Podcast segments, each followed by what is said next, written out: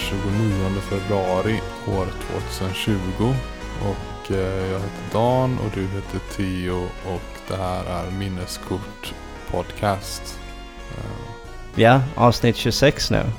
Ja, Och det vi kallar säsong 2 eftersom eh, ni som följt oss vet att Super Gamer är avslutad.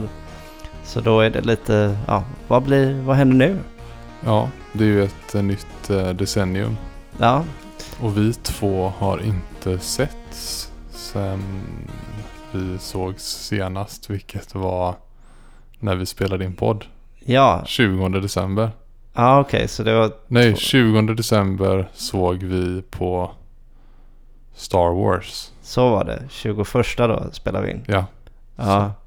Sen är det ju inte alla som skulle hålla med dig om den där decenniegrejen heller. Jag kommer inte ihåg om vi snackade om det. Det här jättelarviga med vissa som menar att 90-talet varar mellan 91 och 2000. aha. för att det fanns inget år noll. Så Just det. då börjar första decenniet år ett och varar till år 10. Och så ska vi ha dragit det här hela vägen då.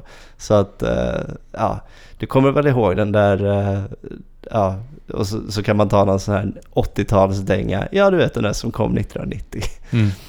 så att, eh, jag tycker det är hur löjligt som helst. Men, Ja, det är inget så här jag internt debatterar med mig själv eller med andra.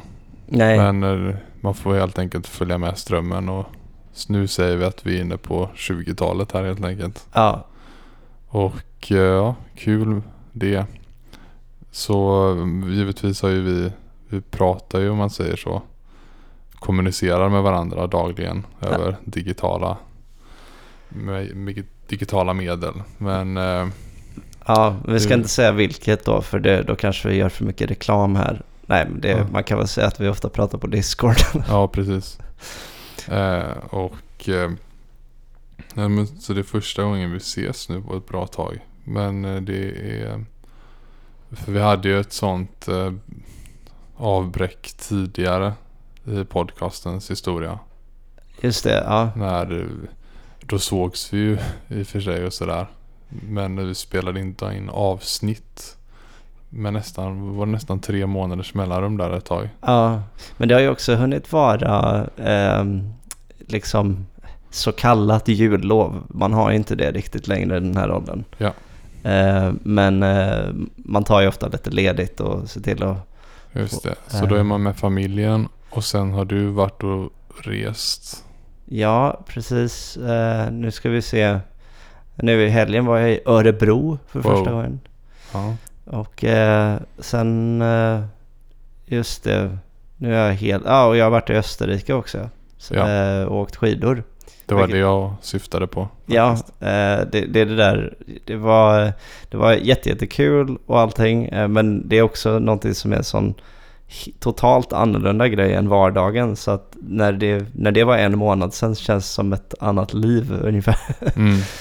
Men så du har haft en, en vecka med riktig vinter i alla fall. Ja, I och precis. med att du var i Eh, alpina områden. Ja, och eh, jag är ju eh, 31 och hade aldrig åkt skidor tidigare. Eh, tyckte först eh, så tänkte jag, vad, vad har jag gjort liksom? Jag, jag är rädd när jag står på skidorna. Jag, det här är, ja, jag kommer inte palla det här och eh, allt det där. Men, eh, men det svängde ganska kraftigt till, när resan var slut. Eller liksom när jag hunnit nöta då i en vecka. För det påminner verkligen om progressionen i ett spel, du vet, där man får så sjukt mycket stryk av fienderna tidigt. Ja, Och så levlar man upp och till sist, okej man kanske inte är stark än, men man, man får åtminstone inte pisk av, du vet, motsvarande en Goomba eller någonting längre. Mm. Utan så här, nej men det, det här går ju, jag står på skidorna, jag, jag, de lyder vad jag gör. och Så här. Det var riktigt häftig progression tycker jag. Även när, ja, jag, jag är inte duktig så, men jag, jag kan i alla fall styra lite grann. Så, Ja. så. jag debuterade ju som skidåkare i betydligt yngre ålder. Som barn någon gång. Ja, Men att lära sig åka skidor var inte det svåra tyckte jag. Det var att lära sig åka lift. Tyckte jag. ah, ja. Men eh, du kanske åkte sån här härlig typ kondo eller eh, satt i, eh, Jag någon prov- stol eller någonting. Jag provade alla sorter, eh, tror jag. Nej, eller alla utom en, tror jag. Eh, men eh, jag, jag fick köra den här ankarlift. Det var det jag skickades in i direkt. För det tyckte jag var det svåraste. För man, det, det är det ju. Alltså, jag, den, mina första försök så gled jag ju av den. Och så var jag mitt i liftbacken istället. ja, Och skulle ta mig ner och kunde inte åka skidor. jag, jag klarade ju eh, att komma upp för den här backen liksom med den. Eh, det kunde jag hänga med på. Men sen skulle man ju ta sig ur den också utan att ramla. Så det absolut första som hände när jag står på skidor är att jag precis har kommit upp för den backen och sen ramlar baklänges och slår i och tänker ja, det var en himla tur att jag hade hjälm. Mm. Eh, Men ja, och sen första dagen jag måste ha ramlat du vet, 50 gånger eller någonting och eh, benen var som, fötterna var som stenar. Mm. Eh, men sen det där att liksom, ah men lär dig ploga och gör, gör ett A och sådär. Och, och ju mer man började få in det hela, desto mer... Ja, si- sista dagen i backen tror jag att jag ändå liksom åkte...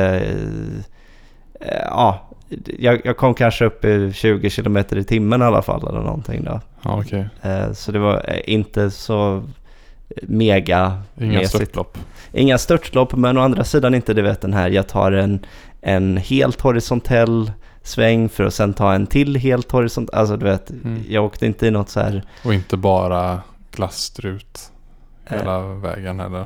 nej, eh, nej precis. Eh, så, så nej, det, det, jag behövde inte hela tiden så forma ett A och hålla på Mm. mot slutet.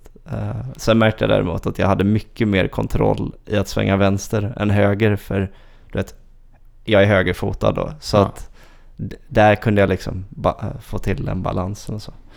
Eh, nej, men det var faktiskt någonting där jag inte alls hade tänkt på förhand att det skulle bli kul. Och nu kände jag så här att nej men det är klart jag måste åka någon mer gång. Det, det var ju skoj. Men hade du stavar? Ja, eh, det ehm, påpekade liksom min, en av mina kompisar funkade som lärare ungefär. Han hade hur mycket tålamod som helst. Men han sa att ja, egentligen ska du inte behöva stavar i början. Det, det, det ger dig ändå ingenting liksom. Du ska lära dig hur du ska stå på de här. Eh, men eh, jag kände bara att nej, eh, alltså det gav mig en eh, falsk trygghet på något sätt att hålla i de här stavarna. Det var som att jag kunde låtsas att jag styrde. Lite, lite som eh, du vet när ett barn får hålla i en leksaksratt och, och tror att den har kontroll. Liksom. Ja. För jag tyckte det var i vägen också när jag började. Mm. Ja, det, det, det var lite i vägen märkte jag faktiskt några gånger. För ett par tidiga gånger jag ramlade var att jag råkade liksom komma in med staven under skidan och då blev allt. Ja, du ska ha tur att du inte råkade få staven i backen framför dig så du fick den rätt i magen. Och tappa andan. Det har hänt. Uff, ja, nej det, det, den, där hade jag för lite, det slapp jag. Men eh, mitt mål var ganska mycket för all, jag tror jag hörde tre eller fyra olika åtminstone, eh, oberoende av varandra säga på förhand. Bryt inte benet nu. Mm. Så jag var väldigt inställd på jag, jag ska inte bryta benet. Jag kom hem helt skinnad. Skönt det då. Ja, Ja, det här är ju ingen eh, livsstil och eh, sportpodd. Nej Men precis. eh, det är en... Eh, Men jag fick ändå in en parallell till spel tyckte jag där med Ja. liksom RPG-progressionen. Ja. Så jag tycker det, det får räknas. Liksom. absolut. Eh, nej, och vi är väl kända för att vi går eh, tar stickspår hela tiden och pratar om annat. Eh, men ehm, eh, och då kan man passa på att tillägga i och med att det då är nytt decennium och eh, en ny fas i podden och sådär. Så tror jag att jag nämnde förra avsnittet att vi också skulle byta plats ifrån där vi spelar in. Så om du tycker att akustiken låter lite annorlunda är det för att vi har bytt inspelningsrum då. Mm. Så vi kommer inte få höra några industriella bagare längre. Nej. Eh, så om ni hör någon form av oljud just nu så är det i sådana fall eh, kanske lite regn som eh, smattrar mot eh, rutan i rummet. Eller eventuellt har jag en stationär dator i det här rummet också som kanske brummar lite. Den börjar ju bli till åren. Vi sitter nämligen i eh, mitt sovrum och spelar in numera. Ja, Så nu är det riktigt punk piracy. ja, jo men eh, jag tycker nog att det här upplägget är lite mysigare måste jag säga. Det var, det var inget fel på de gamla lokalerna men man kände alltid lite att man satt ute ingenstans. Ja, så var det. Eh, Eh, så hädanefter kommer vi spela in här då. Och, eh, men det, ja, för er kommer det väl vara det mesta sig likt antar jag. ja, det, det tror jag. Det märks nog mest eh, vad vi pratar om ändå. Det är inte som att man sitter och lyssnar efter bakgrundsljuden. Nej, det är bara jag som gör. Exakt, det är det som går igenom inför redigeringen och sådär. Ja. Ja. Men två månader har ju som sagt hunnit gå och då hinner man ju faktiskt spela lite. Åtminstone har jag eh, gjort det. Jag fick eh, användning för min eh, Playstation 4. Det var ju på tiden. Men du, när du köpte den så köpte du ganska många spel till väl? Ja. Och så var jag eh, väldigt... Eh, jag, jag hade inget tålamod med Horizon Zero Dawn för att eh, spelet öppnar nästan med ett stealth-segment. Och eh, jag generellt sett pallar jag inte stealth ju. Så eh, det, det blev väldigt avskräckande. Så jag hoppade vidare till det jag var mest sugen på ändå. Spiderman. Eh, och eh, spontana känslan var väl att ja, sp- spelet har tyvärr en del stealth-segment då. Eh, där man, eh, framförallt där man eh, då ska vara hjälplös och måste vara tyst liksom när man eh, Alltså för du kan inte liksom slåss eller någonting utan blir du upptäckt så är det fail state. Jag hatar ju sånt. Eh, och hade, det, hade de delarna inte varit med så hade jag kanske velat eh, få göra en revision av min eh, topp 10-lista nästan. För så pass bra var Spiderman. Mhm. Eh, det är otrolig spelkänsla. Alltså, eh, han Video Game Donkey driver ju med att alla spelrecensenter ständigt pratar om The game really makes you feel like Spider-Man eller feel like Batman och sånt där. Men här är det ganska sant för att de har liksom nailat allting med att eh, med hans krafter och sådär och det med att svinga sig runt. Um, alltså det jag tyckte var fascinerande var, du vet vi har ju snackat tidigare om hur licensspel ofta blir usla för att eh, de utnyttjar bara franchisens namn för att kunna Typ så här, sälja många exemplar och så behöver det inte vara bra. Eh, men eh, jo, här är det istället som att några har tittat på det och tänkt hur coolt vore det inte att kunna spela som Spider-Man? Eh, så att alla ens moves känns sådär intuitiva utifrån hans här, nätkrafter och så. Du vet, du kan eh, haka fast i någon på långt avstånd eh, för att liksom sen slå upp dem i luften, hoppa med, slå en gång till, ta tag i honom med nät, kasta ner honom på en annan fiende. Du kan liksom improvisera och hålla på med hur mycket som helst. Eh, det, det är sjukt kul eh, och jag satt faktiskt så här med ett fånleende vid flera tillfällen under spelet att wow, det här är så jäkla kul. Och det var rätt länge sedan jag hade den känslan. Det, ja. Men Mm. om det nu i slutändan kanske hade blivit ett så bra spel så att det skulle komma med på din all time high.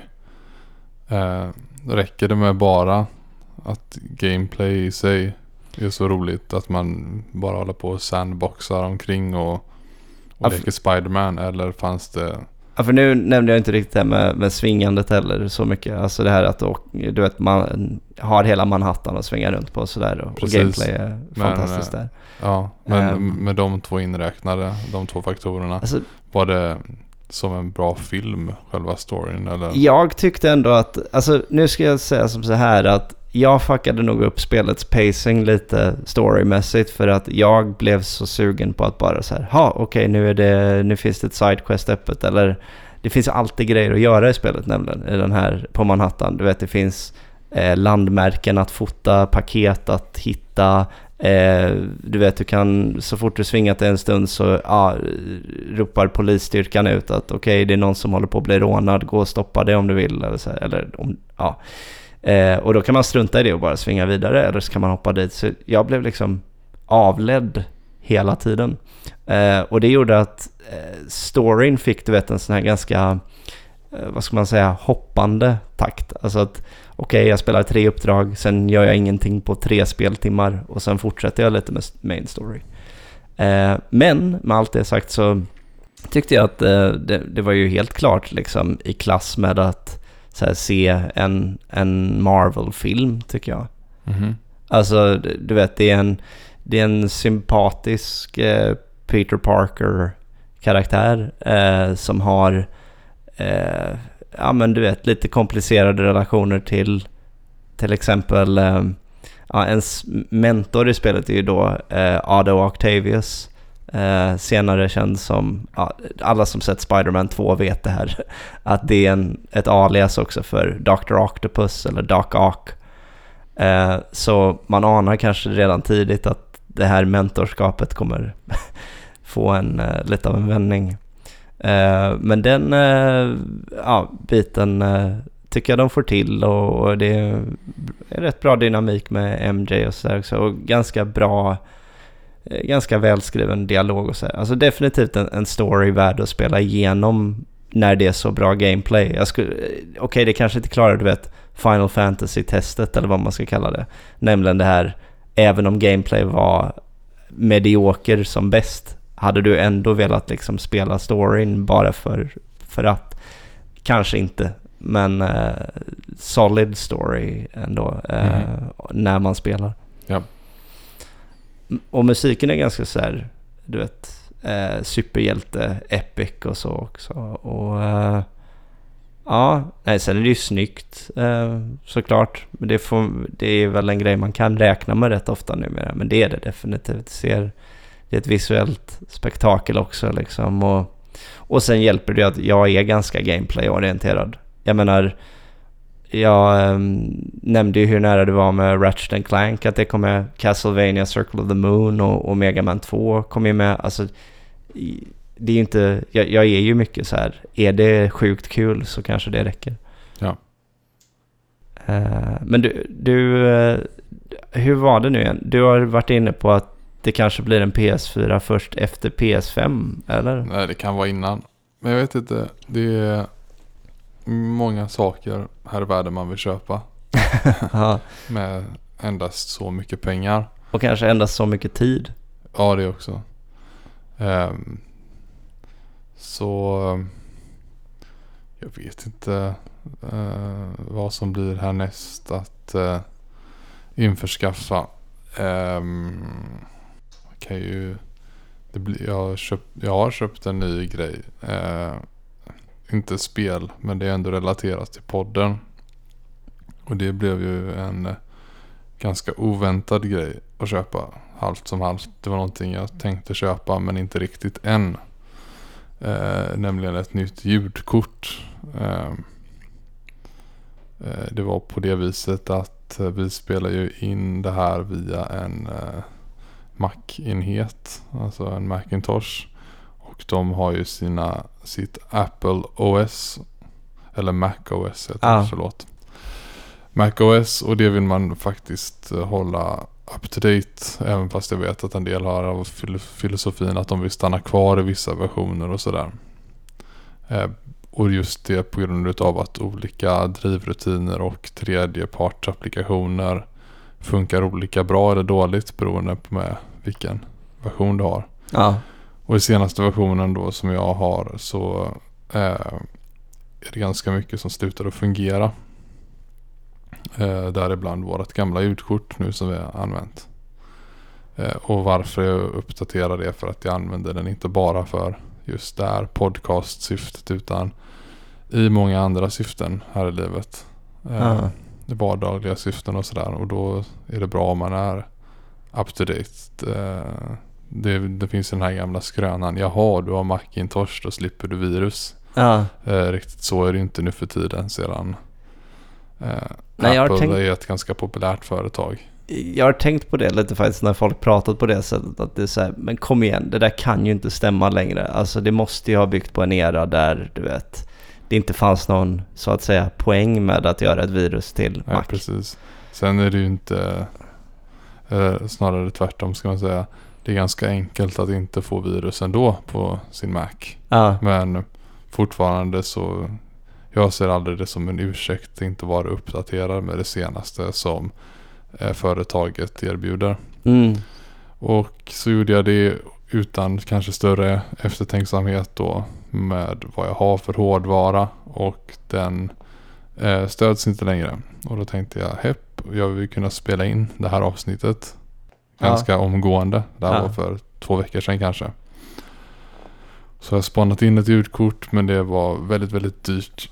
Och eh, det här, och det var mer eller mindre att om man ska kunna dra för de som inte håller på med kanske just eh, ljudkort och liknande saker i livet så kan man väl snarare se det som att eh, det är som att det finns vackra pikétröjor eller någonting eh, som kostar 300 spänn. Ja, Så finns det exakt lika vackra pikétröjor som kostar 1 och 5. ja, Det är bara att de har en krokodil på sig också. ja.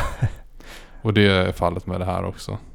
Jag har eh, faktiskt, nu äger jag två produkter utav företaget M-audio. Dels våra monitorer här, alltså högtalare som de flesta säger. Är modellen BX5.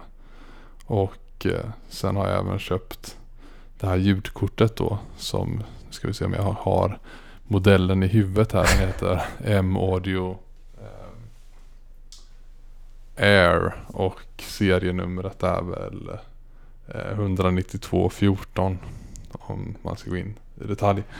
Så det är helt enkelt varför jag ville köpa ett nytt ljudkort var för att det gamla hade två eh, inkanaler för eh, den här typen av mikrofoner vi använde. Och jag vill ha fler kanaler in. Och varför kan vi ta en annan gång. Oavsett så det här ljudkortet kostade 3000 från Ja. M-audio. Och det jag har kollat på är från Apogee heter de. Gör ljudkort som är en serie som heter Duett. Som säkert de som håller på med inspelning känner till. Är väldigt bra och eh, pålitliga och oftast eh, det förslagna typer av ljudkort man ska ha om man till exempel jobbar med Mac-enheter. ja. Det är lite som att eh, motsvarande då för monitorer så brukar folk ha men du ska ha Genelec eller någonting. Ja, Och det här, vad jag har nu, ger exakt samma outcome eh, i praktiken gentemot vad ett eh, eh, duett ljudkort hade kostat då. Det ser lite vackrare ut. Men så kostar det 13, 12, 14 tusen beroende på vad man köper det. ja. Det är väldigt mycket pengar för ett ljudkort. Så det känns ju gött på det sättet då. Ja, ja och det, man vill ju Eh. alltid ha bra värde för pengarna liksom. Ja. Eh, så, och samma sak då med monitorerna att eh, många av de här som säger "Nej, det, det, det går inte, jag måste ha Genelec eller vad man nu använder om man, det finns andra företag. De flesta om de har blivit satta i ett rum med eh, blindfolded och får lyssna så hade de inte haft en aning vad som var vad. Nej, Förmodligen hade man kunnat säga så här, är det här M-audio eller Genelec? Och så hade man satt på något helt annat. Och så Ja, hade de, bara gissat i blindo. ja, alltså. yes. Ja. Det är, Så det är väldigt mycket bara märke. Det blir kul om det blir någon reaktion på det här. Du har ingen aning om man har visst. Det kommer någon riktigt arg kommentar att uh, uppenbarligen har du aldrig provat eh, modell uh, BY18. Nej, Nej, för jag menar det här är inte liksom Eh, den enda studion, min egna hemstudio om man vill kalla det, inte den enda jag har suttit i. Jag har suttit och arbetat i studios med bra mycket mer eh, dyrt, dyr utrustning. ja, Och det är så, ja, nice. Kul att vara där, men jag hade klarat mig med, med så mycket mindre. ja. Men vi, det känns som att vi, vi kan ju höra här att vi får göra lite olika investeringar för podcasten av tid och, och pengar där det låter som att jag har dragit det längre strået. Så här, jag sitter och spelar Spider-Man på min nya Playstation 4 och du har liksom fått, okej men jag tar på mig att köpa det nya ljudkortet precis. så, att, eh, så vi kan fortsätta spela in avsnitt. Jag känner att... eh, Jag står för utrustning och du står för innehåll. jag, Ja, men det känns schysst. ja, Ja, men eh, alltså det, jag är i alla fall väldigt nöjd med det här. Och Ja. eh, det, är, eh, det är en sån, det är en skön känsla också när man kommer så pass billigt undan. Och det är kul att höra historier om det. När, när folk har kommit billigt undan. Som till exempel jag har lyssnat i många år nu. Så ja, det är en bra bit över tio i alla fall. Eh, på en artist slash producent som heter Ott. OTT. Som gör ganska mysig, psykedelisk eller vad man vill säga musik. Och så hade han, satt han i typ en, han gjorde en intervju med sig själv egentligen från sin studio hemma som också var hans sovrum på den tiden. Ja. Uh, med liksom ett, ett litet rum med heltäckningsmatta och en dator med tjock skärm. Ja. Och så vidare. Och så fick han så här, svarade han på frågor han hade fått. Så här, typ, han har ofta fått jätte liksom eh, fin kritik för eh, typ kongaljud och sånt. Ja. Och oljefatljud och sånt han använder. Bara, hur får du till de här? Jag har inte sett någon mjukvara kunna emulera det här. Använder du riktiga musiker som kommer in och spelar? Och så bara så här, jo nu ska jag förklara för er. Och så tar han upp två Pringles-rör. Och så bara, det är det här ni lyssnar på egentligen. Så jag menar, Ja, man kan, vet man hur man trollar med tekniken så, så Ja. kan man få det att låta riktigt bra.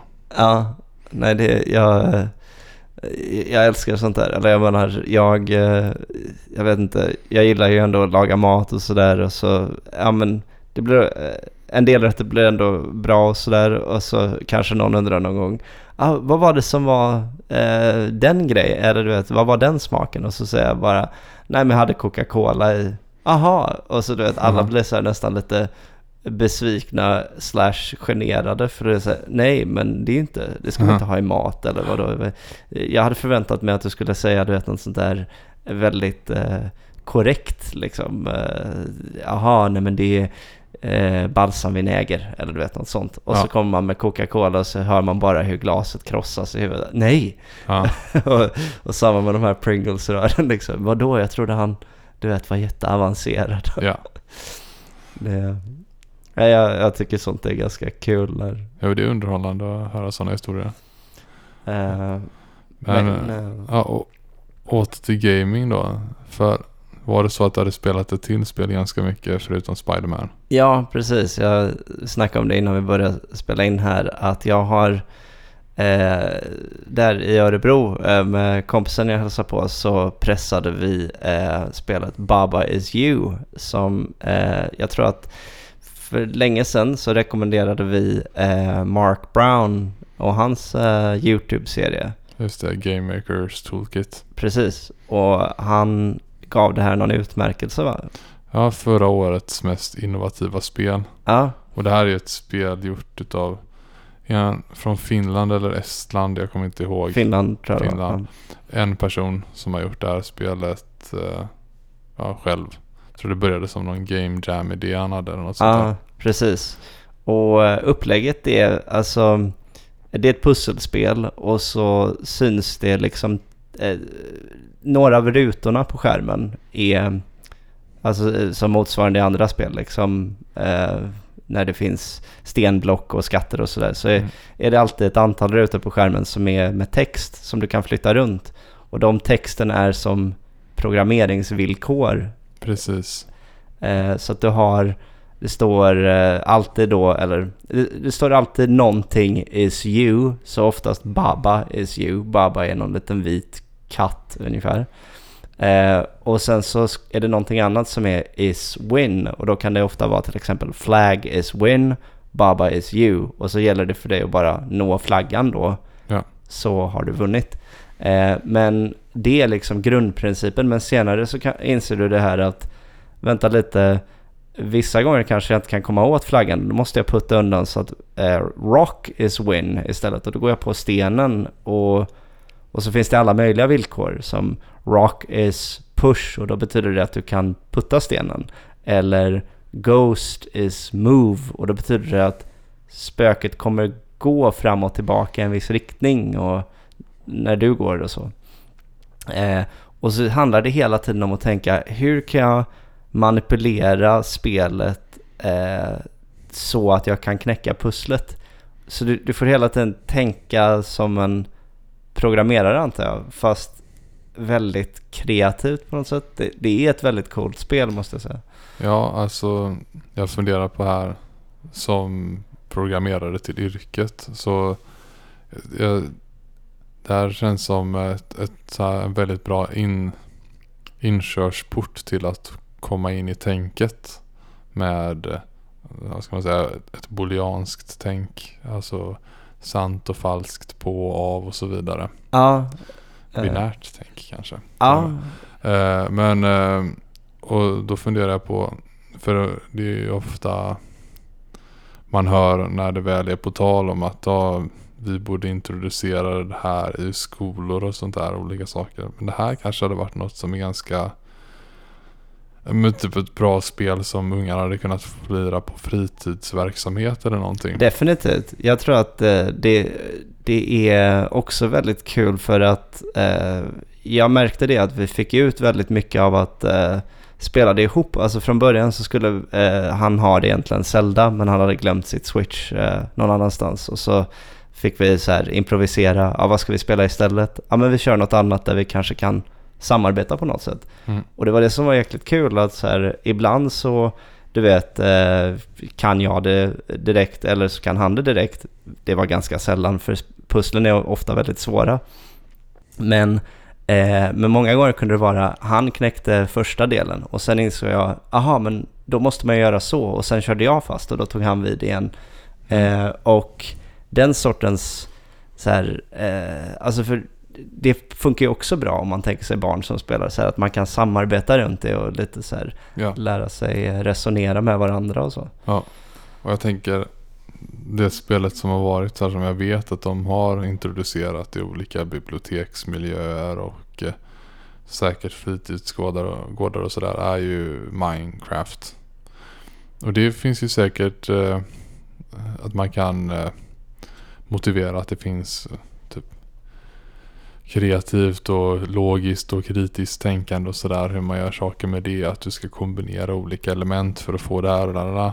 Men där har du fortfarande egentligen inga begränsningar och re- regelverk som ska hindra dig från att göra vad du vill. Mm, nej, Så då blir det ju mer antagligen att eh, kan jag tänka mig att många barn tar den enkla vägen och bara roamar omkring och inte gör så mycket. nej exakt. Här blir det mer påtvingat att hej, här har du ett problem, lös det. Annars Ja. så kan du inte ta det vidare. Nej, precis. Och det, det är mycket mer...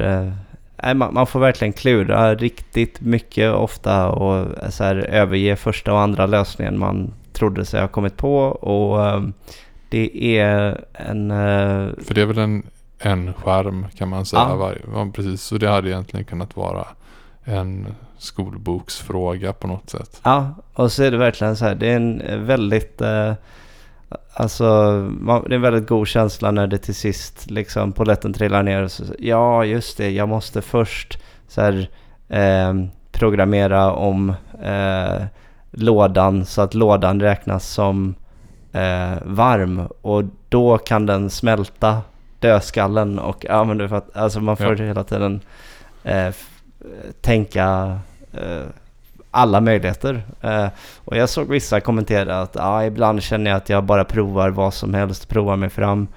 Eh, men jag, det var inte riktigt så jag upplevde att spela det, för jag satt väldigt ofta och så här gick igenom, du vet, teoretiskt först.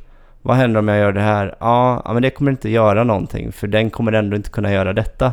Och du vet att man hela tiden får liksom beta av olika möjliga lösningar och sådär. och, ehm, Intressant nog så hade jag sett en kompis spela det för ett halvår sedan ungefär. Och reagerat på så här, jag fattar ingenting. Det här är så förvirrande och konstigt.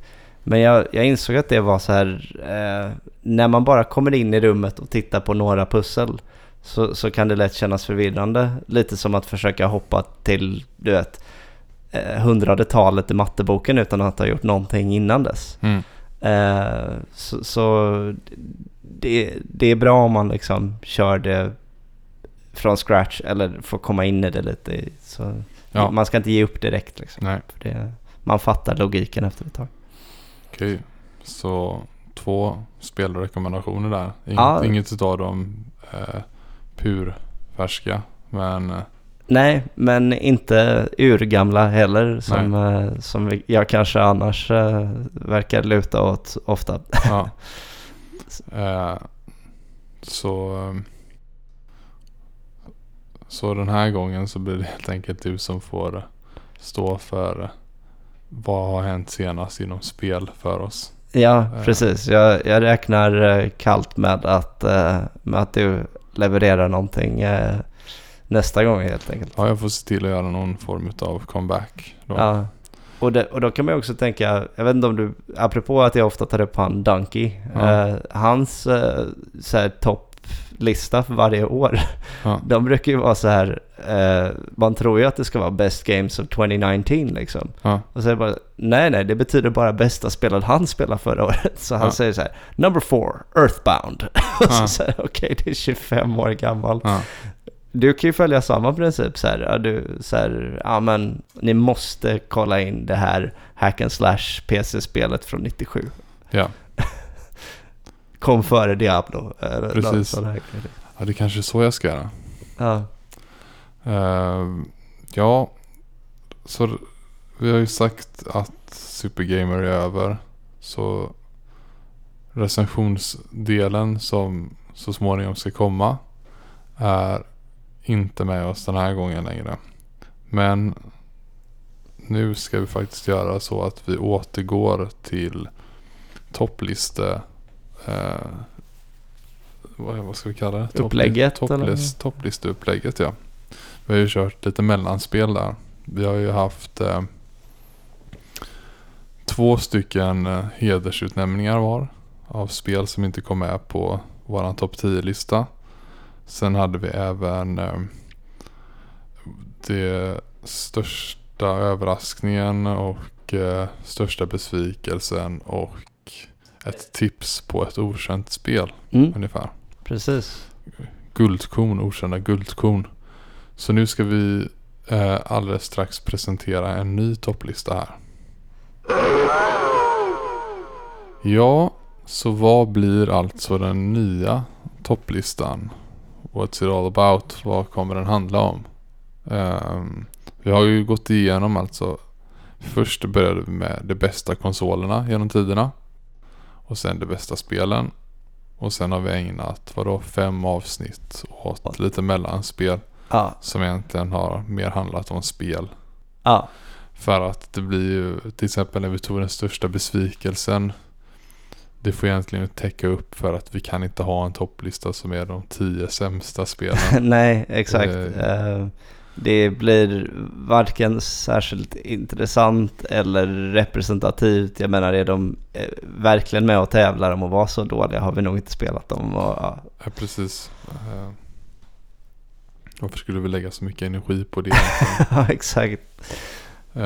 Så det här blir ju i alla fall en det bästa någonting topplista.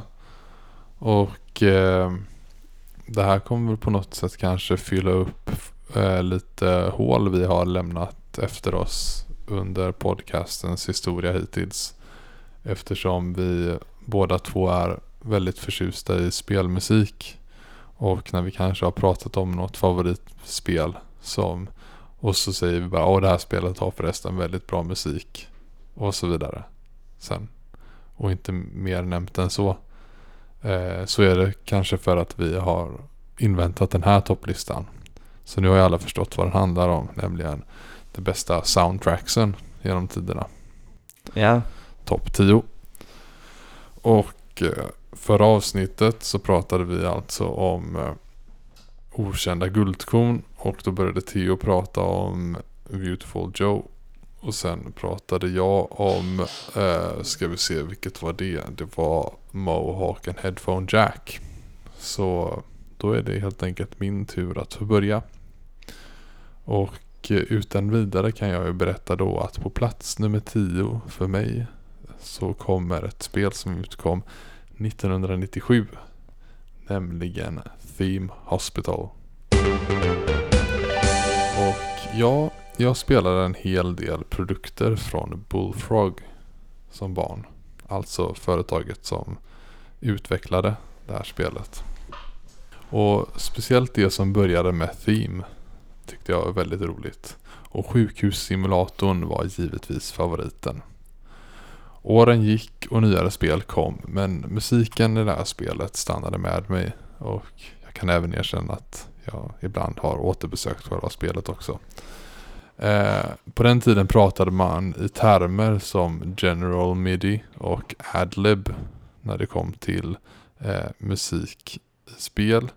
Eh, något som i sig kan ha upp, givit upphov till olika erfarenheter av ett soundtrack beroende på hårdvaran som det spelades på. Spelet kunde alltså låta olika beroende på om man lyssnade på det via midi eller adlib. Eh, så oavsett vilket av formaten så är musiken ofrånkomligt tidstypisk och givetvis väldigt passande i sitt sammanhang.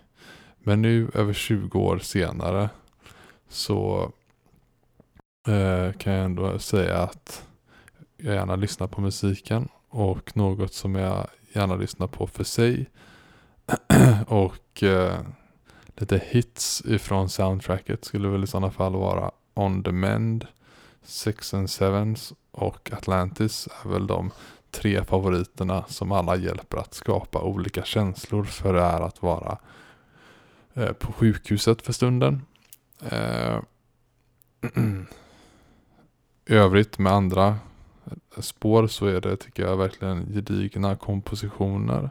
Och här inser väl jag att det har kommit att ta en bli en personlig favorit på topplistan.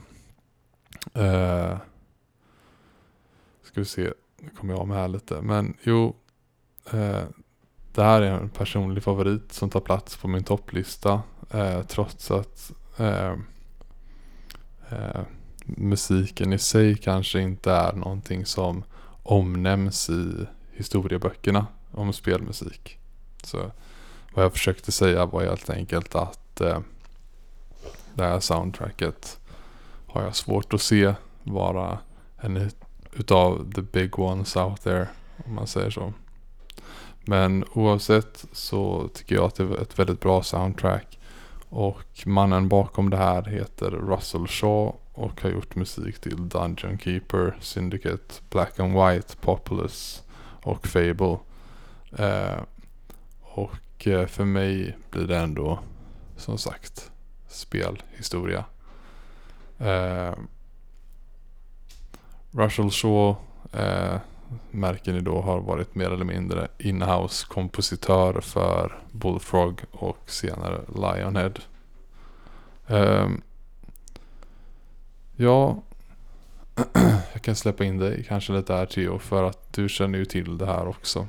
Ja, jag spelade ju Theme Hospital en del faktiskt som liten. Det var ett av få PC-spel jag har provat lite. Eh, jag spelade ju Warcraft 2 mycket hemma hos kompisar men eh, samma kompisar hade även eh, Theme Hospital. och alltså jag förstår ju vad du menar att det här soundtracket är väl inte ett som man brukar se så här när IGN ska ranka eller någon YouTuber ska ranka eller sådär. Eh, men det är väldigt lätt för mig att förstå varför det kommer med på en personlig lista. För det är ett, eh, det är ett väldigt minnesvärt soundtrack. Jag menar, jag kan ha spelat det här spelet totalt eh, ja, fem entimmes sessioner någon gång när jag var, vadå, nio, tio år. Och jag kan fortfarande så här eh, höra vissa av de här låtarna i huvudet och jag undrar om det inte är någon som, som jag så nästan kan börja nynna på mm. eh, ibland. Jag, jag, jag, kan däremot inte namnen på dem tillräckligt, eh, tillräckligt bra för att veta säkert vilken det är. Ja, alla sätter ju sig verkligen på huvudet skulle jag säga. Det har ju Shaw verkligen lyckats med. Men jag tror det är väl Dr. Frog och Candy Floss som är så här, de som verkligen gör en koko i huvudet nästan för att de sätter sig så hårt. Ja, jag vill minnas att när vi gick igenom eh, snabbt, eh, för jag ville lyssna på det också igen, alltså mm. inför det här. Så eh, när jag klickade runt så var det först tror jag Night Shift jag nämnde, mm. som en jag gillade mycket. Eh, men sen kom jag ihåg att jag hade för mig att Sixes and Sevens var det Mm. som eh, var definierande för mig Mm. i, i spelet. Eh, det kan ju vara vilka man hörde mest när, när man råkade sitta vid datorn eller någon annan spelade så. Men, eh, det var ju även väldigt generöst utav spelet i sig. Att man kunde gå in på en meny och bestämma vilken låt som skulle spelas. Och sen även kunde man eh, välja i låtplaylisten vilka som skulle förekomma. mm, men jag brukade faktiskt låta hela albumet gå om och om igen med alla låtar. Jag, jag tyckte om dem alla. de, de har väl gjort eh, någon sorts eh, spiritual successor eh, till det här, Two Point Hospital. Yes, och det Ja. har ju Louise pratat om en del när hon har varit här. Är det Shaw som gjort musiken där eller är det? Det vet jag inte och det tror jag inte. Eh, för, och, när, och jag har ju spelat det. Då, Two Point Hospital. Som även nyligen har kommit till konsoler. Och inte bara till eh, datorerna. Eh, utan eh, jag, jag tror inte ens jag hade igång musik när jag spelade det. Nej, Eller så tänkte jag inte på det. för eh, det där... Ljud, ljud och sånt var ju med. Men eh, För det där är ju lite av en, en miss tycker jag. Det här att eh, när du vill återskapa så att det känns som att så här, du är tillbaka i, i en gammal eh, nostalgisk grej. mm, Musiken är jätteviktig. Jag, jag kommer inte ihåg nu, var det David Wise som gjorde musik till Ukulele? Ja, det var lite utav in-house dream team där. Både han och eh, Kirk Hope. Ja, ja men det, eh, då blir det så här, det är klart de ska vara med och göra musiken för då känns det ju som att det är Rare trots att det inte längre heter Rare liksom, eller Ja. är Rare. Eh, och eh, samma sak med Mega Man 10 eh, lät, jag kommer inte ihåg, jag tror de lät eh, varje Robot Master Theme göras av någon av de gamla kompositörerna. Eh, så att ja, om det nu var Manami Matsumai eh, som gjorde Mega Man 1-musiken, tror jag gjorde musik till Nitro Man och så var det liksom fördelat sådär att alla hade någon boss eh, eller någon bana de gjort musik till. Och det ger ju en helt annan nostalgisk flair när det är uppenbart att spelskaparna velat återskapa det här eh, retroaktiga. Då tycker jag att samma sak med det här Two Point Hospital då, att de borde ju se till att få tillbaka honom. Mm. Shaw då. Ja, det kan man ju... Det hade man kunnat tycka. Att Ja. det skulle vara så. Men eh, när vi ändå är inne på Bullfrog. Eh, jag antar att du också har andra minnen från det. Jag har vi snackat om dem överhuvudtaget här i podden. Men eh, jag vet inte. Det så bara du och jag pratat om det på tumman hand? Ja. Men både vi två tyckte ju om, som jag sa där i början, att jag gillade Theme-spelen. ja. Och du hade väl spelat eh, Theme Park? Ja, jag World. tror, jag, vi kanske ändå har pratat om det där att jag, jag har spelat Theme Park World. Eh, det tror jag jag nämnde i ett avsnitt och att Ja. det hade ett så här eh, slappt tempo som jag gillade. Medan Theme Park Inc hade så här, okej jag är plötsligt någon så här Just det, VD det. som drunknar i mail och det här är inte kul längre liksom. Så var det ja. Eh, men jo, så, så det är ja ett då, annat har- pjäs då har vi varit inne lite på dem ja. Eh, det var... Det är ett sånt eh, företag, precis som Rare, man minns med en väldigt starkt positiv känsla. Ja, hela den genren är lite som point and click kan jag tycka där. Okej, det har väl fått en revival nu Mm. med point and click lite halvt. Men du vet där man känner snabbt, they don't make them like they used to. Alltså så här, vi, vad är det som är? Nu sa vi och för sig precis two point hospital och så. Eh, men det var ju en grej ett tag liksom. Ja just det, man visste att de höll på med sitt och sen var det Tycoon-spelen och, och så kan ju i och för sig vara en sån här grej som när jag pratade om eh, tennisspel, du vet, och Mm. sa att jag eh, inte har uppdaterat mig så mycket de senaste 15 åren på vad som hänt. Kan ju hända att det hänt hur mycket som helst, att det bara var jag som checkade ut. Eh, Ja. och, och att, alltså att det är samma sak här då med Tycoon-spel, att de som gillar att köra det fortfarande, de har hur mycket som helst att lira. Eh, men eh, ja, Något som är bra nu med att vi sitter här i mitt eh, sovrum. Eh, och som jag även är hyfsat nyinflyttad i också. Som jag kanske har nämnt. Det är för att jag faktiskt har plats numera för att ställa fram eh, mina spel. ja, Nya som gamla. Eh, och då är det enkelt att ha lite översikt och titta på dem när man pratar här. Och då kommer jag att tänka på att jag faktiskt har Black and White. Eh, nu eh, eh, övergår vi ju då till Lionhead istället. Men... Eh, är det Mali nu? Ja. För jag tänkte precis att eh, på det och så buntade jag ihop det med Fable och så var jag så här, var inte båda de spelen jättehypade och så var jag så här, är det alltså bara hans grej alltid att han skapar rå mycket hype kring sina spel? Mm, men så kanske det är. Jag kommer ihåg i alla fall när Black and White kom att det var väldigt man hade inte egentligen sett något liknande.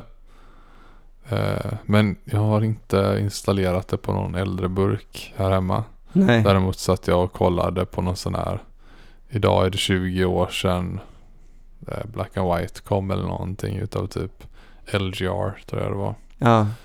Och ja, det blev lite så här småsugen på att fixa igång det igen. Men eh, det känns som ett, jag vet inte. Det... Jag vet inte hur länge jag har haft roligt med det. Även fast det känns som ett spel som är lite eh, inom den så kallade Dan-genren om man säger så. Ja, exakt. Den som jag etablerade lite Ja. där i topplistan. Mm. Försökte, ja. eh, jo, det, jag har ju jag har en kompis som är jätteförtjust i Tycoon-spel och så. Och eh, spelat mycket sådana där eh, Civilization building games. Kanske inte så mycket just Civilization däremot. Mm. Eh, och han gillade Age of Empires mycket och så också. Men eh, jag tror han körde en del Black and White. Om jag inte helt missminner mig. Mm. Så, och, och, och gillade det. Men eh, å andra sidan vet jag inte om jag har hört honom prata om det på senare år lika mycket. Så det kanske var det här att det var en stor grej då men inte lika mycket sen. Mm. Eh, ja, men det, du nämnde här innan vi började spela in också att ehm, eh, Jo, att du har en Windows XP-dator någonstans och då kan du faktiskt spela många av de här titlarna enkelt. Precis. Eh, lite roligt att man, man tänker ju väldigt lätt på Ja men ska du spela Mario World? Ja men då får du ha en Super Nintendo. Eller ha, okej visst du kan köpa en, en eh, remake av något slag eller en re-release. Men man tänker inte lika ofta på det här med, aha men du vet äger du Warcraft 2? Ja men antingen får du ha du vet det som kom jättemycket senare eller så. Mm. Eller så om du har en fysisk skiva då får du nog gräva fram en gammal dator. Precis. Ja, det finns ju alltid sätt att kringgå det. Jag, Ja. är, jag är van via yrket att sitta väldigt ofta i virtuella maskiner och sådär. Ja, Men det är också det där vi har pratat om, den här känslan. Jo. När det kommer till hårdvara. ja det här är emulator och Ja. ja. Och eh, det får jag nog ändå säga en, för min del även gäller för eh, datorer. ja. Att Det är det, det är gött på något sätt att sitta vid eh, det som var standarden hårdvarumässigt. Ja, Då. Eh, jo, det, det är sant. eh, Och att eh, man, man vill att det ska kännas som, som förr och sådär. Vi har ju pratat jättemycket om det här med World of Warcraft eh, remastern och, och alltså folk eh, har ju, ja det är så roligt bara att fortsätta följa, du vet det där med hur mycket folk har eh, dissat Warcraft 3 Reforged och, och så. Ja just det. Jag tror det var, ja, nej det, det, eh, ibland blir det inte som man tänkt sig liksom. eh, Nej. Eh, när det ska återgås till det gamla. Mm. Eh, och på tal om gammalt så har jag en känsla utav att det som kommer på tionde plats för dig på den här topplistan är Ja. ännu äldre än eh, det som jag nyss har pratat om. Ja, nu blir jag nästan lite undrande. Vad var det årtalet var nu igen på det här? Kan inte du kolla upp det snabbt? Utnyttja vår nya teknik här Ja, som vi precis. Att vi har, har. eh, att vi har datorer så nära till hands. Så att man faktiskt kan eh, kolla upp info i realtid. Ja, så jag sa att mitt utkom 97, eller hur? Ja, Och det här utkom 92. det är också det jag hade gissat på. Eh, men eh, jag vågade inte säga eh, liksom för snabbt här. Så, så ja, jag övervägde lite olika alternativ för tiondeplatsen. Det är alltid svårast runt tiondeplatsen ju. För det är då man måste så här, ja, komma fram till vilket av kanske fem olika eh, spel som ska få den där sista platsen. Eh, och därför blev det även den här gången en sån där eh, sista minuten-ändring. Precis som jag gjorde med spel. Eh, nämligen till eh, Sonic 2.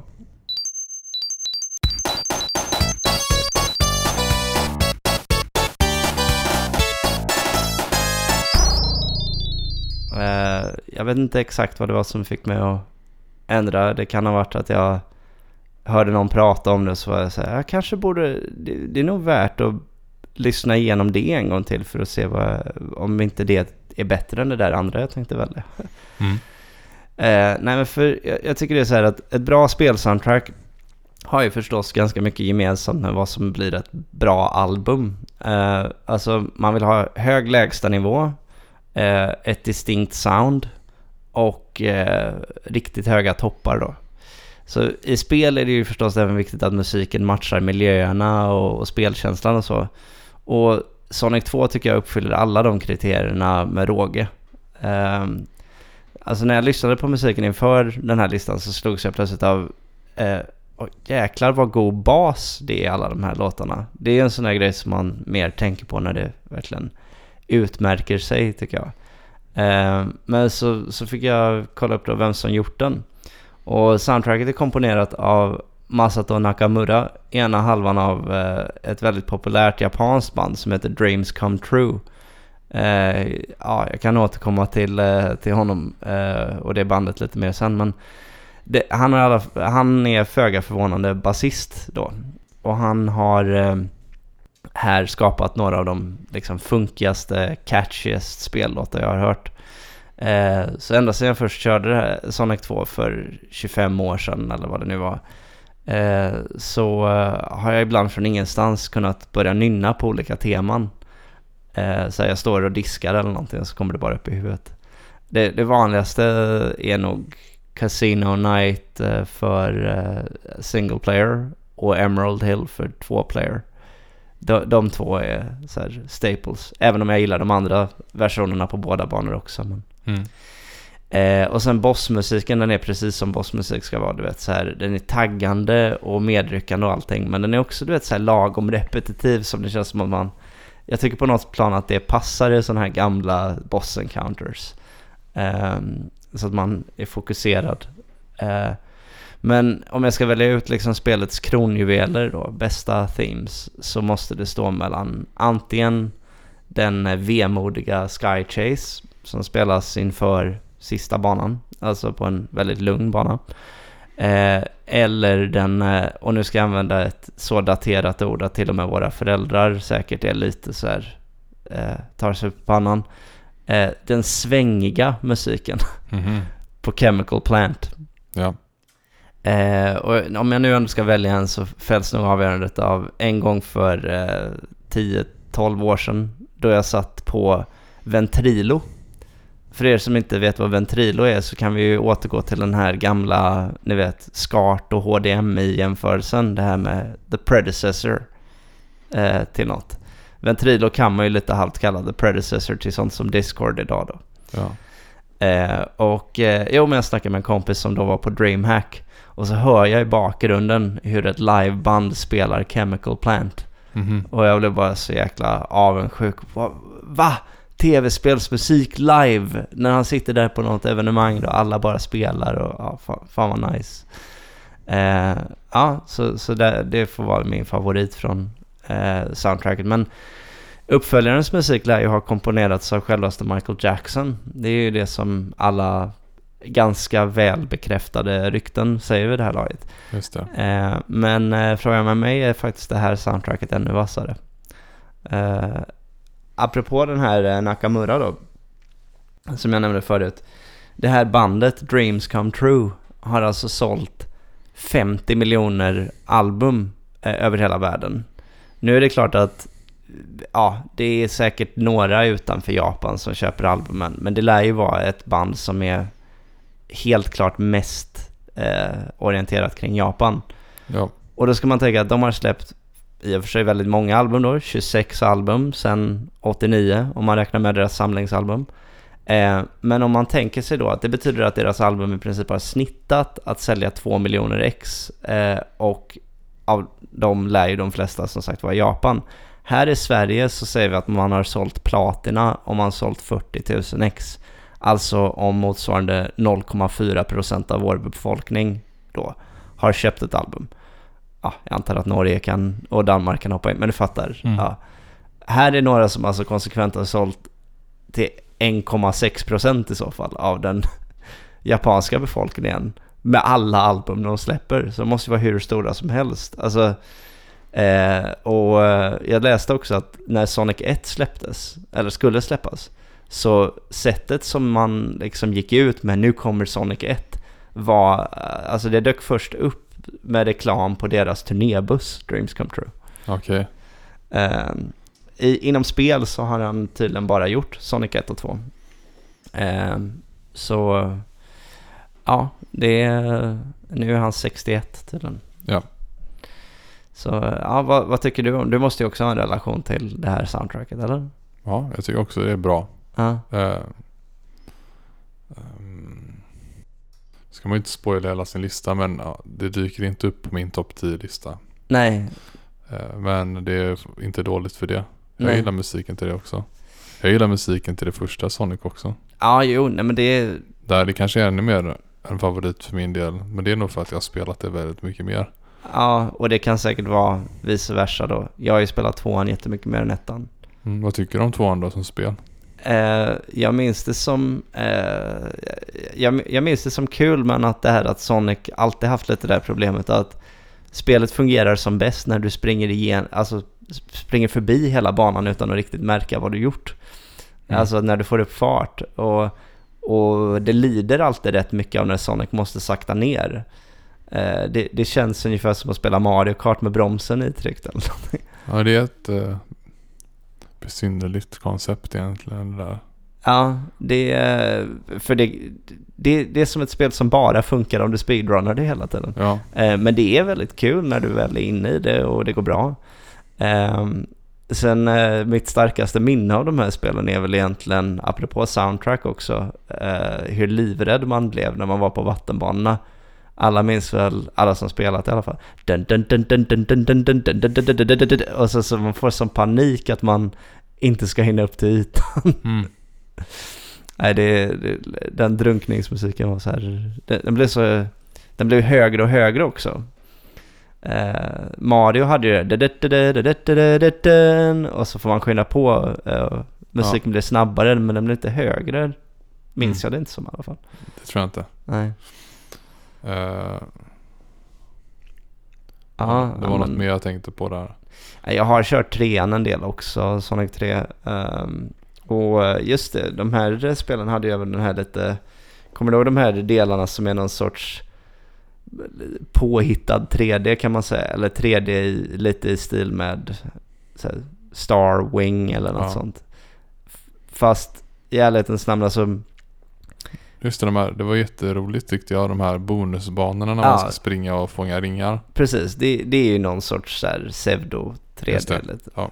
Och, eh, och det, det får man ju ändå säga att även om jag antar att de på något sätt prerenderat Sonic eller någonting där. Eh, han ser ganska liksom så här likartad ut när han springer men, men det var ju väldigt mycket snyggare än Starwing. Starwing ser ju så här, det, det är någon form av 3D men det ser ju väldigt ser ut som klossigt ut. en eh, prototyp utav ett spel. Verkligen, det, det, är, det är precis vad det gör. Det är så här, ja men om ni aldrig kollat upp det så, jag vet inte, det är bara trianglar liksom alltihop. Ja. Eh, så, så det ser väldigt, och ja, väldigt eh, märkligt grafiskt upplägg tycker jag. Det, det är prototyp sätter fingret på det. I Starwing då, som Ja. sagt, nu kommer vi ifrån Sonic lite. Men det kan det varit för två år sedan eller någonting så kom ju även en ny en, ett hyllningsspel till hela Sonic-konceptet till Switch. Just det. Eh, Heter det typ Sonic Mania? Ja, det låter bekant ja. Ja. Eh, och det, för de som var gamla Sonic-spelare så gick det tydligen hem. Ja, Eh, Har det varit lockande för dig? Nej, alltså för det är någonting just med att så här, jag, jag kunde aldrig fastna för det här replayet. Att man verkligen, det, det har aldrig liksom, liksom fångat mig på samma sätt som Mario eller, eller egentligen många andra plattformsspel. Jag, jag respekterar Sonics plats i, eh, i spelhistorien kan man säga. Men har aldrig riktigt fastnat för upplägget ändå. Ehm, men ja, nu, nu känns det ju konstigt om vi inte skulle kommentera att, det, att Sonic är bioaktuell också. Ja, precis. Det var det jag tänkte komma till härnäst. Jag har inte gått och tittat på den filmen och jag har inte egentligen brytt mig. Nej, eh, jag är ju ändå, eh, om jag har förstått det rätt så, så har den väl, till och med med väldigt ljummen kritik så har den väl varit lite mindre sågad än en genomsnittlig tv-spelsfilm blir. Det har väl varit många tvåor ungefär. Liksom. Många spelfilmer får ju, äh, spelbaserade filmer får ju otroligt dåliga betyg. Alltså ettor eh, överallt och så. Mm. Även när, när eh, skådespelarna eh, är tyngre. Var det någon som såg Assassin's Creed-filmen liksom? Och det var ändå Ma- eh, Michael Fassbender och sådär. Ja. Nej, men, men den här har ju fått eh, hela den här grejen kring att man först visade Sonic och han inte såg riktigt klok ut och inte det minsta lik eh, och sådär. Och sen fick man lite känslan av att det nästan var som en sån här, du vet, har vi snackat om det här du vet med Classic Coke och New Coke någon gång? Det här att eh, du vet, under 80-talet höll Cola på att bli omsprungna av Pepsi så man lanserade New Coke och sen ingen gillade New Coke men när man tog tillbaka Classic Coke då var det ungefär Wow! Cola är så gott! Ja, så här, bästa marketingstrategin. Och här fick jag lite känslan av så här, gjorde de Sonic medvetet jätteful från början så att man sen skulle kunna casha in riktigt mycket goodwill på, åh nu ser han rätt ut! precis. Det är väl som med Will Smith i senaste Aladdin. Jaha, vad, vad var det det? Uh, var det det var nu? Han såg också för jäklig ut när han var anden i lampan då. Ja, Det var ju mer eller mindre effekter i jämnklass med Warrior Princess Sina och Aha, Hercules ungefär. Det ja. var 90-tals effekter. Och så åtgärdade de det. Ja, Ja, gjorde det lite bättre i alla fall. ja och då... Men jag tror, jag tror inte det gick så bra för den filmen ändå.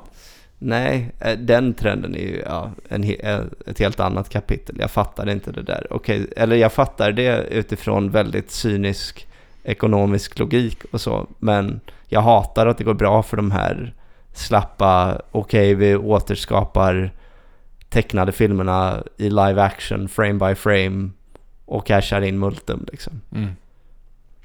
Nej, det är sån sjuk nostalgi-farming på den här generationen som vi tillhör. Oh ja. Och vi går ju på det. Eller jag menar, jag säger inte att jag själv aktivt går på det jämt. Men några gånger gör jag ju det. Jag menar, vi, förra avsnittet pratade vi om Star Wars. Jag vet att vi kan inte s- sluta prata om det heller så. Nej. Så att, eh, nej, vi, eh, vi är suckers. Ja, men Eh, ja. Så ny topplista är igång. ja, Med eh, Sonic och Theme Hospital. Eller snarare Sonic 2 då. Och eh, Theme Hospital som eh, inviger den. ja, Eh, så det var ju skojigt. Då Ja. blir det plats nio nästa gång vi kör topplista. ja. Här lär vi ju se lite mer variation också. Ännu mer än förra gången. Alltså i så här att man väljer helt olika sorters spel och så. Eh, För musik känns ju mycket mer, ännu mycket mer subjektivt nästan. Än Ja. spelsmak på något sätt. Det återstår att se Ja. om det är musiken som har lyft fram våra favoritspel eller om eh, de har varit eh, så pass starka så att de har klarat sig utan den om man säger så. Ja. Ja, får vi Eh, se vad vi hittar på eh, nu när det inte är recension. Får ha Ja. något annat planerat då. Ja. Ja, så som sagt så är ju våran handskrivna gamla kära speltidning Supergamer eh, färdig på det sättet att vi inte har mer material att läsa ifrån den. Eh, själva tidningen i sig tog ju slut för den slutade så skrivas för många år sedan. Mm. Eh, så i det här segmentet, den här gången, så tänkte vi göra inte en, det är inte en så kallad one-off utan snarare en sak som bara förekommer en gång om året. Eh, och vad det då kan vara eh, ska jag snart avslöja. Det är ju nämligen så då att eh, som ni som lyssnar har ju förstått att tv-spel har varit en eh, stor del eh, och är en stor del utav våra liv sedan vi har varit väldigt små. Och mm, liksom mer eller mindre alltid följt med oss eh, på livets resa. Det är därför vi har den här podcasten till exempel. Och eh, eh, vi... Eh, det här har ju tagit, ska man säga, eh, gett sig eh, gett uttryck på olika vis. Eh, dels med att vi fortfarande spelar spel eh, olika mycket uppenbarligen. Men vi spelar det och vi tycker väldigt mycket om det och eh, vi läser och tittar på det och lyssnar på det och eh, det har även påverkat våra, våra vuxna liv i den mån med våra karriärsval. Eh, jag har ju som tidigare nämnt här i podden läst en universitetsutbildning som, eller ja, som, eh, vad ska man säga, har sitt avstamp i spel. Ja. Eh, den kallas ju dataspelsutveckling. Ja. Det finns väl fortfarande kvar i Skövde. Och eh, du har eh, är aktiv och har översatt ganska länge eh, spelrelaterat material. Kan Ja. man säga. Antingen direkt eller indirekt. Ja. Och eh, nej men och även Japan-intresset på något Alltså okej det är inte som att jag spelade Mario en dag och därför ville jag Ja, vilket land kommer Mario ifrån? Ja, exakt. Skitsamma att det är italienskt tema. Det är Ja. Japan. Ja, Det- Nej, så kanske det riktigt var. Nej, men det är ändå lite där att man inser att så här, aha, okej, men alla de här, vet, man har älskat Nintendo länge och så till exempel. Mm. Och, ja, så finns ju alltid den biten med där när, när man är intresserad av japanska. Ja. Så vad kan vi två då göra har vi tänkt för att på något sätt ge tillbaka eh, till det som har gett oss så mycket glädje. Eh, vi är ju bara två egentligen vanliga personer i ett ganska litet men avlångt land som inte spelar så stor roll i världen även fast vi ibland vill tyckas tro det. Eh, jo, tänkte vi, vi kan ju faktiskt göra så att vi kan personligen tacka eh, de som nu har bidragit till det här nyss nämnda stora livsglädjen. Och eh, sättet vi vill göra det på är att inrätta ett, eh, ett höll jag på att säga, men snarare två eh, pris. Men de kommer delas ut samtidigt varje år. Eh, som är direkt relaterade till spel.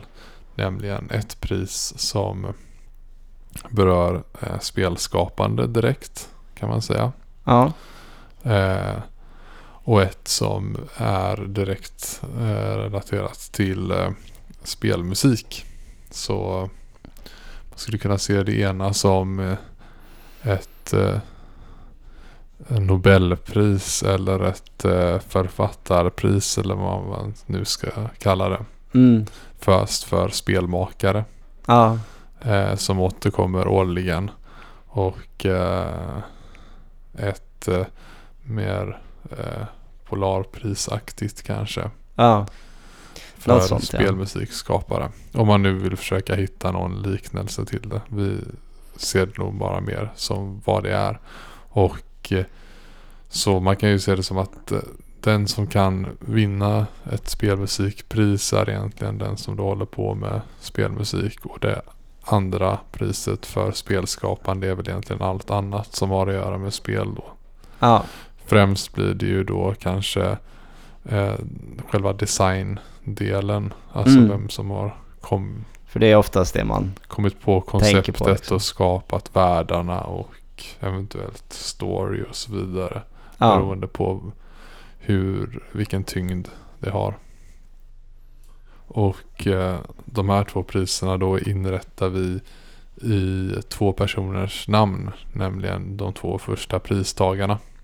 Ja, Eh, och jag tänkte vi kunde ta börja med det första priset och det blir då i spelskapande. yes. Och eh, vi har alltså eh, skickat eh, de här priserna, de här diplomen ungefär, till eh, personerna det berör. Just det. Och vi kan ju gå in efter vi avslöjat priserna då på till vilket land och så vidare. Det kommer ni väl förstå. Men vi tar den historien snart. Vi kan ju ta och gå direkt på då spelskaparpriset. Och så Eh, kan vi dra motiveringen innan vi säger vad, den, vad det heter kanske. ja, Ja. Eh, Så vad som kommer att ske nu är då att eh, vi tänkt, har tänkt så här att om vi kan den här personens modersmål så ska vi försöka att eh, skriva diplomet eller vad man ska kunna säga som vi har gjort på den personens språk. Vilket vi har faktiskt har kunnat göra i det här fallet. Eh, men vad som sker nu då är då att Tio kör någon inre Google Translate ifrån vad vi har skrivit och säger det på svenska istället. Ja, eh, och då eh, första punkten är att med oöverträffad kreativitet och fantasi har han eh, knäckt gränserna för spelvärlden. Eller för spel kan man säga. Eh, hans eh, spels eh, popularitet och inflytande har överlevt i många generationer. Eh, hans, eh, jo, hans namn eh, när det yttras, det är alltså, han är väldigt respekterad av i princip alla inom, eh, alla spelskapare, alla inom sitt område då. Eh, när, man, eh, när man bedömer spel så jämför man nästan allt, eller det förekommer väldigt ofta att man jämför dem då med, eh, med hans spel. För att de håller så hög standard. Eh, lika lite som man kan eh, tänka sig eh, en värld, eh, alltså lika lite som man kan tänka sig eh, en, att rock'n'roll hade kunnat få finnas utan Elvis, eller vad man ska säga. Eh, lika lite kan man tänka sig världen utan den här personens spel. Eh, så med det här priset vill vi eh, och eh, även å alla i världens vägnar Ja. tacka för eh, alltså alla eh, underbart lyckliga ögonblick som vi fått via den här spelskaparen och eh, i framtiden då andra. Eh, så vi vill uttrycka vår eviga tacksamhet för det här. Och det vill vi till eh, Shigeru Miyamoto. Med Miyamoto-medaljen som vi kallar den. Ja, Eh, stämmer. det, på japanska blev det Miyamoto Monsho. Och Monsho betyder emblem snarare. Eller crest eller sådär. Vilket vi ändå var överens om var en tillräckligt bra approximation eh, när vi ändå kunde då få med allitterationen. Även om kanske japaner inte är lika sålda på allitteration som vi är. Mm. Det vet jag inte. Men det låter bra. Miyamoto Monsho. Ja, och vi är nöjda också att Miyamoto-medaljen är MM. Ja, Samma sak om man hade sagt det på engelska ja och nu även på japanska. precis. Så det tyckte vi att det, där får man ändå Det satsa låg- på det. Låg gött på tungan som man säger. Ja, Ehm, och eh, ja, det, vi sitter ju och pratar om det här väldigt, eh, ska man säga, vardagligt ungefär. Men det här är ju givetvis jättestort ehm, i vår värld, i vår lilla bubbla. Får Ja. vi se vad det kan eh, eh, ge för ringar på vattnet sen. ja, Eh, vi kan gå vidare med det snart. Eh, men vi har ju då som sagt ett till pris vi vill dela ut. Eh, och det var det inom musik. Och här är det återigen samma sak att den här personens modersmål har vi skrivit diplomet på och kommer nu att översättas tillbaka till svenska Ja, och få lite av ett annat utfall än när vi skrev ner det på svenska ja. först. Exakt, ja det har blivit så med båda de här. Det Ja. har sin förklaring, jag kan gå in på sen. Mm. Ehm, med eh, inflytande från många olika genrer och eh, mycket egen innovation eh, har han blivit pionjär för en helt ny genre av musik. Ehm, eh, hans, eh, alltså han är väldigt respekterad av i princip alla andra spelmusiker. Eh, hans, eh, när man pratar om spelmusik så går tankarna väldigt fort till hans spel. Eh, ja, eller det, det händer i alla fall väldigt ofta att det blir så. Eh, och eh, tack vare musiken eh, som han komponerat har spelen han gjort, dem, gjort musiken till eh, blivit både mer populära eh, och fått högre kvalitet. Ehm, och med det här priset eh, så vill vi eh, uttrycka vår eviga tacksamhet för alla de här eh, helt oförglömliga eh, musikverken som den, han har stått för. Och i framtiden då andra kommer belönas för också då. Med ett sånt här pris. Ja. Eh, ja, för det här är då eh, Kondo-klaven till Koji Kondo. Ja. Eh, och det blev Kondo Krefu. Eh, alltså Kondo Clef eh, på japanska. Och även här kunde vi få med då Kondo Krefu. Jag, jag tror att det är även terminologi på japanska. Det var liksom ändå så jag förstod det när jag försökte Mm. lista mig fram till det. Jag är inte musiker själv alls så att jag är liksom inte bekant med terminologin sedan tidigare på japanska. Nej, och det kanske inte alla är som lyssnar här heller men en klav är ju någonting som förekommer inom musik. Och vi behöver inte gå in här då exakt på var i partituret eh, den gör sin nytta och så vidare. Men man kan se det som en, ofta till exempel om man ser en G-klav så är det en vacker symbol. Och eh, det blir någonting som i sin tur kan eh, vara en vacker symbol när man vill ge, som vi nämnde här, ett emblem ungefär. Ja, Så blir det hans egen klav.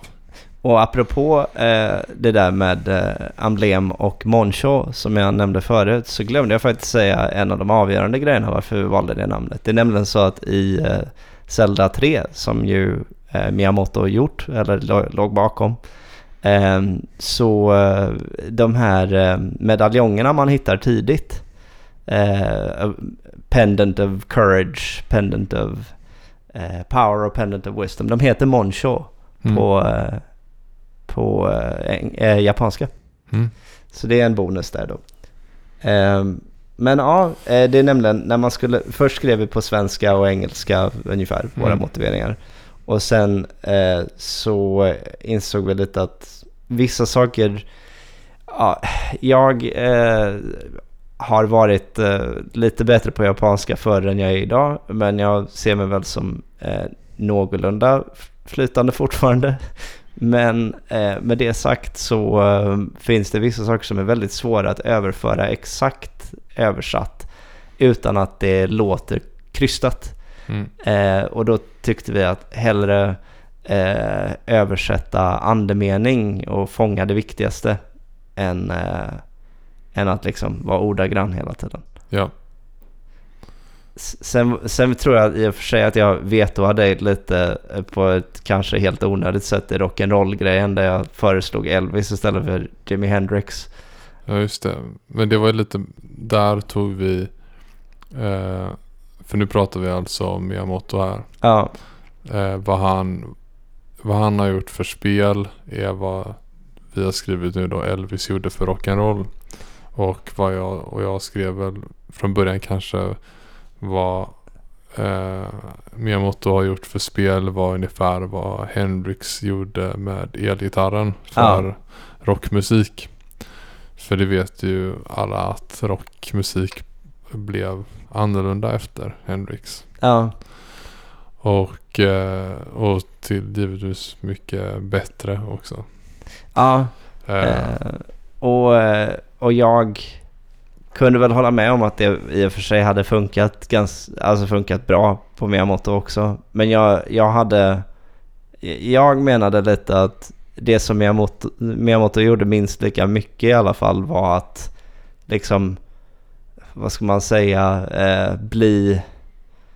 Ja, men, tack vare, alltså helt plötsligt fick alla någon som de kunde, okej okej inte Miyamoto själv men Mario liksom, blev ju något att förknippa spel med och som liksom kom in och gav spelen sån sjuk skjuts liksom. ja, Och det tyckte jag kändes lite mer parallellt med en sån här figur som Elvis som tar en genre och bara ungefär, ja ah, just det, rock'n'roll, ja det är Elvis. Alltså, just det.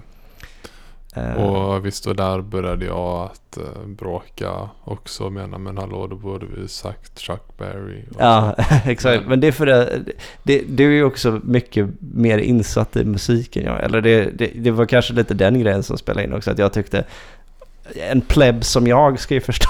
Men det är lite så här alltså. Det, man får väl ta det som om man ändå ska prata om det kanske. Vem som gjorde mest eh, dirty work. Eller vem som eh, har fått liksom det största förknippandet med det. Det är ju två olika saker.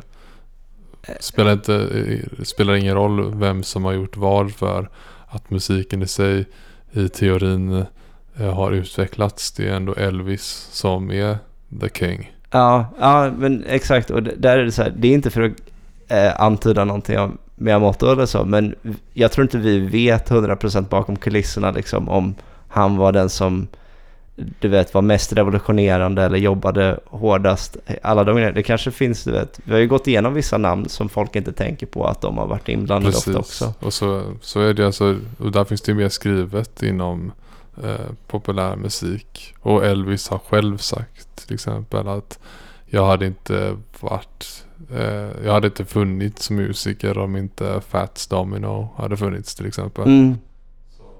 Nej, och, och, men nu, nu är det ju liksom... Allt det här är så här, det... Miyamoto är ju... Eh, det, vi skulle egentligen få med det på något sätt. Det hade vi tänkt från början att han är the godfather of gaming. Och sen så satte jag mig ner och så skulle jag skriva så här... Typ, eh, Game no Oyabun eller någonting. Och Oyabun är ungefär så här, du vet...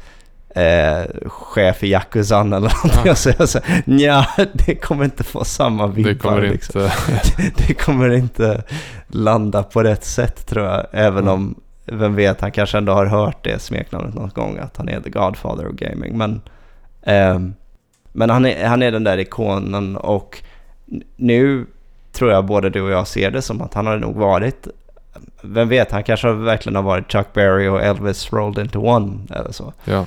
Eh, men eh, nu, nu blev det som det blev. Jag tänkte det, det kanske var mitt eh, executive decision eller något som, som Ja. gick in där. ja men ja, visst. Det blir bra oavsett. Och eh, det är som sagt eh, eh, för icke ja, japansktalande så är, det lite utav ett, eh, ett, ett pussel där att eh, översätta fram och tillbaka. Ja, Och eh, det lyckades ju ändå väldigt bra med i slutändan. Men det var ju också skönt att, jag menar, du hade mig att bolla främst med kanske vad, vad du sa, andemeningen och vad som. Men det själva grammatiska och så vidare så var det ju tur att du kunde ha eh, resurs på annat håll och prata med också. ja jag, fick, eh, jag fick hjälp av en lyssnare eh, som är, ja, är, även är eh, ja, men, eh, kollega Ja. och vän. Så att eh, han eh, hjälpte mig mycket med, med det här. Ehm, och eh, ja, det... s- svårt att, att ha koll på alla nyanser också. Han bor där eh, i Japan, det gör ju inte jag längre. Eh, och från början så var vi inställda på att men det här ska ju vara mer som ett officiellt dokument tänker vi. Så då kan man, eh, och uppsatser och sånt, ja då har man den här vardagliga formen, konstigt nog, i hur man skriver. Mm. Eh, och så, sa, så påpekade han, jo jo, förvisso, men ni skickar ju ändå det här som ett brev till dem och det är ändå någon form av tilltal här. Och då, är det, då får ni verkligen se till att skriva formellt. Då kan ni inte hålla på och låta vardagliga och Mm. eh, ohövliga. Så att det var ju eh, tur, alltså vi inte såg ut som riktigt eh, så här, ja, bort, alltså som att vi inte hade någon koll. Ja, det är alltid viktigt att ha en eh, tredje part som kan se över. För man kan bli liksom blind i sin egen vision utav hur saker ska vara. Mm. Men, eh, det, men blir det några engelskspråkiga mottagare i framtiden så, så kan det hända att de där nyanserna blir lite lättare att, att sätta. Ja, så eh, de flesta engelskspråkiga kulturer om man säger så ja. eh, har väl inte heller det den typen utav regelverk kring, eller kring, kring sig. Nej, men det ska sägas att ja, det är off topic Mm. typ. Men eh, det här med att skriva brev och sånt. Alltså du vet, vad är, vad är trevligast egentligen? Kind regards, warm regards, best regards. Sincerely. Ja, exakt. Och så, och så hamnar man i en balansgång också där det är så här, ja, men jag, jag känner mig inte som personen som skulle säga sincerely yours. Alltså, Mm. det låter inte som mig. Och så får man, men det är det man säger om man verkligen menar att man du vet, bryr sig om personen. Ja, fast eh, ge mig något annat. Ja, Så att det, ja, jag, jag gillade inte att skriva brev, jag tycker det är jobbigt. ja, det är lurigt. Men eh, så de här fina diplomen. Jag har skrivit ut dem i mer än en kopia. Så vi kan ju faktiskt eh, fota och visa på någon Instagram eller något sånt där sen. Ja, Eh, hur, det, hur slutresultatet blev. Men det kanske rent av kan ersätta vår eh, gamla... Du vet, vi har ju alltid hintat om recensionsinnehållet. Just för det här avsnittet så... ja, precis. Så det blir perfekt. Men de, vi har så kallat lagt de andra originalen på lådan nu då. Mm, Så de är på väg faktiskt till Japan. Kyoto. Yes. Eh, men eh, det kanske tar sin lilla tid. Jag har kollat lite på det här med utlandspost och det egentligen, vi sitter och spelar in här på en lördag. Så att eh, vi säger att det är posten en vanlig arbetsvecka så skulle de mer eller mindre vara framme på fredag. Ja, Men nu är det ju sådana här härliga coronatider. Och Ja. Japan i synnerhet har ju gått upp lite i stabsläge kan man säga. För ja, de som följer nyheterna. Så jag vet inte hur många verksamheter som fungerar normalt. Och så ett brev från Sverige på det. Jag ja. vet inte hur de tolkar det. Eh, Nej. Borde ju, Nej. ja. så ja. Vi får, vi får se. Men, Och det vi har satt en, en typ motsvarande tracker på det så vi vet om det kommer komma fram ja. och så vidare. Eh, så får vi se. Alltså det menar. Eh, jag har inte hållit på att skriva fanmails om man vill likna Nej. det här vid det tidigare så jag vet inte hur det funkar men det kän- känns ju som att Nintendo är ganska busy företag. Så är det ju. Eh, men eh, ja, det... Jag vet, jag vet att det i alla fall har hänt att de skickat någon form av svar. Eh, till, om vi snackar Nintendo of America har jag sett det i alla fall. Mm. Men det är ju som vi säger här i Sverige så ofta tanken som räknas. Precis. Eh, och eh, ja, det är, ibland så skickar man bara ut någonting i etern och hoppas att eh, någon hör det. Typ som det här. Ja. Och nu, nu stannade ju själva snacket nästan kring de här två pristagarna utifrån vad du sa som står på pappret. Ja, Men, och då känner man bara så här, men jaha, that's it. Vad- Det måste ju finnas mer att säga men man får nästan verkligen iterera de här orden om och om igen i sitt huvud och bara förstå att det liksom det går inte att få så mycket högre praise om man säger så. Nej, för de som råkar ha suttit senaste kvarten nu och tänkt, "Jaha, vad är det här för namn? Eh, För ni, ja, kanske inte brukar tycka det är så roligt att lyssna på när vi ska gå igenom alla kompositörers namn och sådär, eller spelskapare. Men alltså, för de som missat det så är det ju i alla fall då eh, Miyamoto och Kondo är spelskapare och kompositör för Mario och Zelda och ja, vi kommer kanske inte ihåg på rak arm alla titlar där de varit huvudansvariga för de har ju tagit lite ett steg tillbaka de senaste kanske 10-15 åren. Precis, men nu är vi inne på 26 avsnittet här. Ja, I minst varannat avsnitt så, så nämns de här två personerna. visst är det så, men det här är säsong två. Tänk på Ja. alla våra nya lyssnare som Ja, hoppar in. just det. Nej, äm, äh, skämt åsido så tyckte jag bara att det var värt att, äh, att äh, understryka vad det alltså rör sig om. Att det är, det är de klassiska Nintendo-spelen som vi pratar om. Ja.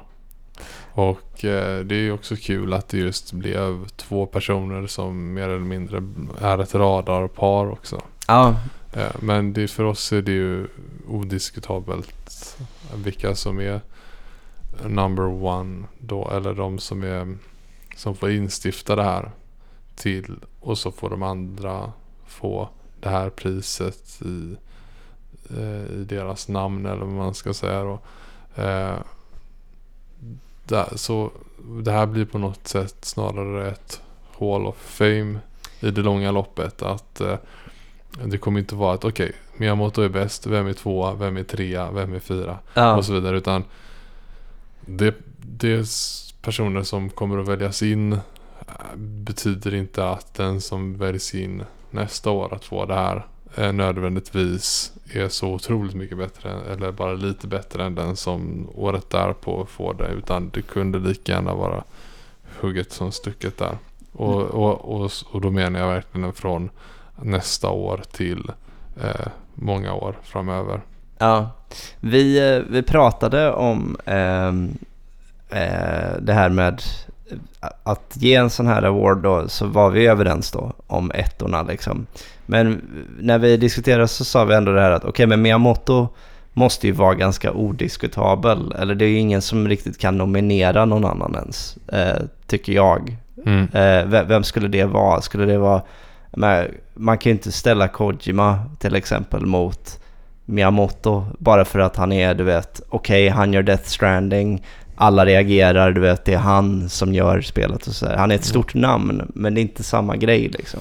Ja, nej, men vi får väl Eh. se så utan att liksom droppa för många A- absolut, stora namn. Men eh, det är sant, det är sant. Men ja, vi, vi pratade ju på musikerfronten om en annan stor. ja, Eh, ja, klart. Det är inte så jätteomöjligt att det hade kunnat vara en framtida pristagare. Men jag var lite inne på att undrar bara hur han hade känt. Eh, vi säger att det ändå nådde fram till honom bara. För nu låtsas vi att de tittar på det här och verkligen bryr sig om det på något sätt. ja, Eh, Den jag tänker på, om jag inte ska spoila namnet, du kan säga om du tycker vi ska göra det. Tror du han hade gillat att få ett pris som var döpt efter Kondo? Jaha. Tror, tror du att han hade tänkt lite, vadå? Jag, eller jag är ju minst lika... Ja, precis. Nu kanske man uh, skär sig med alla andra pristagare där, därefter. Varför är det inte döpt i mitt namn? jag, jag tänker ändå att, ja... vi- Men nu är det, det är så. Det är ju, vadå, den smällen får du och jag ta. Ja, Får den Det- personen det- komma och knacka på oss sen. eh, eh, okej, utan att säga vem den här jag tänkte på var, vissa kanske kan lista sig till det, så kan vi säga att anledningen till att det inte kunde bli han som gav namnet, sa jag i alla fall var att han har inte det där som alla kan nynna på. Du vet, du säger spelmusik och så kan alla säga da da da da da dun, dun, och då är det Kondo som gjort det. Ja, Och det betyder någonting, att det finns i mainstream-medvetandet. Eh, en speltrudelutt liksom. ja, det betyder ändå någonting om du ska ha lämnat ett avtryck tycker jag. Och vi sa det om, om alla andra att okej, men vem kan matcha den grejen? Så, så det, var, ja, det var ganska avgörande tyckte jag för varför det var tvunget att vara Kondo. Mm. Men annars så ehm, kvalifikationskraven för en sån här grej borde väl egentligen bara vara eh, jag tycker det finns en del andra som kör så här Hall of Fames. Eh, Eh, så en bra huvudregel är egentligen att första verket ska vara daterat för åtminstone 20 år sedan. Ja, jo men det ligger någonting i det. Jag, jag är inte heller jätteförtjust i den där att du vet, någon säger om en film som kom för två år sedan, det är en av de bästa filmerna som gjorts. Säg det igen om tio år, för då vet jag att du tycker det. Men du kan inte, alltså, hur många grejer har man inte varit med om, du vet, om man älskade det i ett år och sen gick tillbaka och alltså, är det rätt daterat nu? För tio år sedan, någon gång var det väl Avatar kom. Ja. Vem pratar om den filmen nu? Äh, nej, precis. Eh, jag kommer inte ihåg om jag någonsin nämnt det på podden, men det här med att eh, det här förslaget om varför har man inte Oscarsgalan, du vet, fe, alltså med fem års fördröjning i alla fall. Så, så tittar man tillbaka och inser, ja, vilka, vilka filmer är det som fortfarande sitter i medvetandet? Om vi tittar på vad som släpptes då. Så borde det ju vara absolut med Guldbaggegalan, för där borde det vara ledsen, det blir inget i år för som vanligt produceras det inget bra i Sverige. Nej, exakt så har man bara eh, varje, så här, ja men det, som VM eller någonting. Man har var fjärde år så har man Guldbaggegalan för då har man skrapat ihop tillräckligt för att det ska vara värt att nominera. Och... Ja, då kommer det faktiskt två bra filmer under den här tiden. Precis. ja. Nej, vi ska inte vara för hårda. Tänk om det finns folk som älskar svensk film. Då mm. säger vi bara att det här står för oss. Ja, det gör det ju. Allt det här står för oss ja. just nu. Det är, det är du och jag som är juryn bakom de här priserna. Precis. Hör och häpna. Så får vi väl se. Mm. Vi kanske mm, träffar någon likasinnad person som trivs i våran echo chamber. Ja, exakt. Så kan den vara med också. Ja. Det, det, får se vad det här blir för slags kommitté om det blir massa skandaler och sånt där sen med att... Eh, mm. Att jag mutade dig för att vi skulle välja en annan kandidat. Sådär. Ja, någon kulturman eller någonting som dyker upp. Ja, ja nej det... Nej, det vore ju det vore inte bra. Tänk, ja. Och den här gången så har vi pratat om ganska många olika varumärken också känns det som. Det är som att vi är sponsrade. Mm. Så ja, vi, ju... vi, vi, lovar att vi inte är betalda liksom. Nej precis. Vi har bara fått spons en gång och det var fika som ja. vi hade. Och, ja. och den kom från våra egna hushåll till och med. Så ja, det var precis. den en utgift. Ja, så jag, jag köper det. Ja. Vi är fortfarande Sveriges oberoende spelmagasin. Ja. Ingenting har förändrats eh, 20 plus år senare. Oberoende är egentligen bara någon sån här Orwellsk eh, benämning på liksom helt eh, att, att ingen vill stötta oss snarare. Exakt, precis så. Det är så här finaste omskrivningen. Det är som eh, den här, eh, vad, vad heter det, ja men att det alltid finns sådana här omskrivningar för jag hörde någon säga att eh, uh, dis, an unconventional family sa han istället för a dysfunctional family med mm. sångtext. Liksom. Det, det är sån här omskrivning. Ja. Um, så det blir, jag tycker det ska bli spännande. Den här grejen då som kommer återkomma en gång om året. Uh, vilka som um, tar sig in. Ja. Uh, det ska ju också, även fast sägas att även fast det är du och jag så vi, vi, vi kommer ju inte resonera fram de här pristagarna på samma sätt som vi gör när vi resonerar fram våra topplistor. För där är det verkligen så här. Jag eh, tog med vad då eh, någonting på min, någon av de här listorna som kan vara ett bra exempel. Eh, jag vet inte, det är inte många topp 10 ja, som har det. International ah. Superstar Soccer 64. Mm. Tionde bästa spelet i världshistorien enligt mig. Ah. Det händer ju inte någon på någon annan stor kvalificerad lista. Nej. Det är ju inte ens antagligen ett fotbolls, bland de bästa fotbollsspelen tycker somliga. Nej. Men för mig var det det. Ja. Eh, den typen av resonemang kommer inte med här utan här kollar vi alltså vi råkar gilla de här två personerna som vi inrättar det här priset i. Eller efter. Eh, men sen råkar de också vara eh, otvivelaktigen, liksom odiskutabelt störst. Ja, I, så, I så många avseenden. men det är väl som alla sådana här kommittéer att man får lite grann väga så här. Det är klart att det ska vara eh, några som eh, varit viktiga och så och verkligen är värdiga ett pris på något plan. Det är inte bara subjektivt men det är klart att vi kommer välja sådana vi gillar även i fortsättningen. Alltså vi, vi kommer inte ta någon sån här jätteviktig men jag har aldrig gillat hans spel. Ja. Eller ja, det, det, det blir väl en eh, förhandlingsprocess där skulle jag säga. Jag, jag menar eh, Då går det säkert att hitta någon annan. Vi kan börja ta dem där när, om, om och när vi når. Jag Riktigt. tänker liksom att eh, viktigt eh, vad ska man säga, viktiga kvalifikationer kommer ju vara att se, se egentligen vad har den här personen skapat för slags arv efter sig. Ja, jo det är Eh. sant. Men jag hör att vi har ganska mycket att reda ut under det här året som kommer kring vad nästa, alltså kring hur det här ska se ut i fortsättningen. Känns som att du vill vara så här helt och hållet legacy och jag vill ha, nej men kom igen, får vi välja, får vi play favorites här. Så Ja, att, alltså det är så här. Det ligger någonting i det du säger i alla fall att vi måste ju känna till personen. Annars blir det jättekonstigt för då, då kan man lika gärna bara sätta sig och trampa på tangentbordet och skriva något i stil med eh, bästa eh, spelmakarna, topp Mm. 10 och sen utgå från någon lista som någon som fick sparken ifrån IGN gjorde. ja, Eh, det jo. får jag, Men vad jag försöker säga är lite grann att det får gå några år i alla fall innan du kan börja tjata om att Notch ska ha det. För, för jag vill inte ge det till Notch. Minecraft är så tråkigt. men det är inte 20 år heller så vi... eh, Just det. Okej, ja vi... Det, nu är jag lugnare redan. Okej, Ja. men då känns det okej. Ja, nu eh, kommer min eh, familj hem här. Så det kan vara läge att... Ja, vi trycker på paus här och så, så ska vi bara köra klart strax med eftersnacket.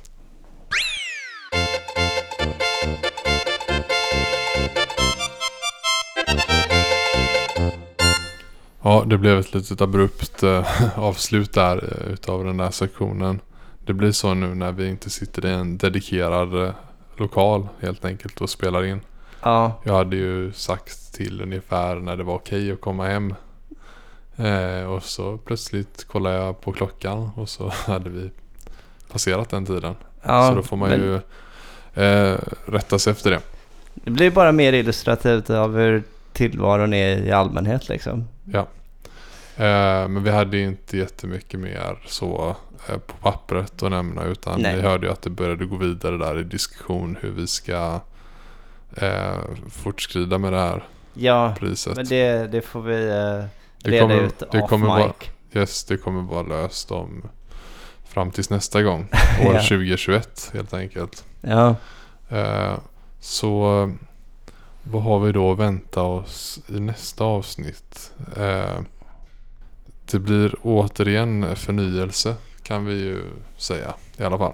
ja, Eftersom oavsett vad det blir om det skulle fortsätta så mycket som det går i det här konceptet vi för nu så hade vi i alla fall haft i sådana fall en till topplisteplacering. Men sen kommer det ju inte vara år 2021 hoppas jag nästa gång vi gör det här. nej, exakt. Så det, det här blir inte en ettårs en podcast vi gör en gång om året. Utan då blir det i sådana fall något annat. Men vi har ju hintat om tidigare att vi även kommer att införa fler nya element. Eh, allt eftersom och det kan mycket väl så bli att det blir en annan typ utav avsnitt. Ja, Eh, så eh, det handlar väl lite om eh, hur vi kan ro ihop planeringar och sådär. ja, Ett till avsnitt blir det. ja, det blir det. Jag tänker att eh, ni som eh, gillar, eh, verkligen älskar rutiner och sådär. Ni har ju fått ert lystmäte under hela säsong ett. Så nu kommer det istället kanske vara lite mer att ni som gillar när man kan sätta på nästa avsnitt och så vet man inte exakt vad formen är. Mm. Ja, då lär ni föredra säsong två. Eh, Ja. Ja, Det, det, vi, vi kommer inte alltid, när vi har de här snacken kommer vi inte alltid vara helt säkra på vad, vad nästa avsnitt handlar om än. Precis.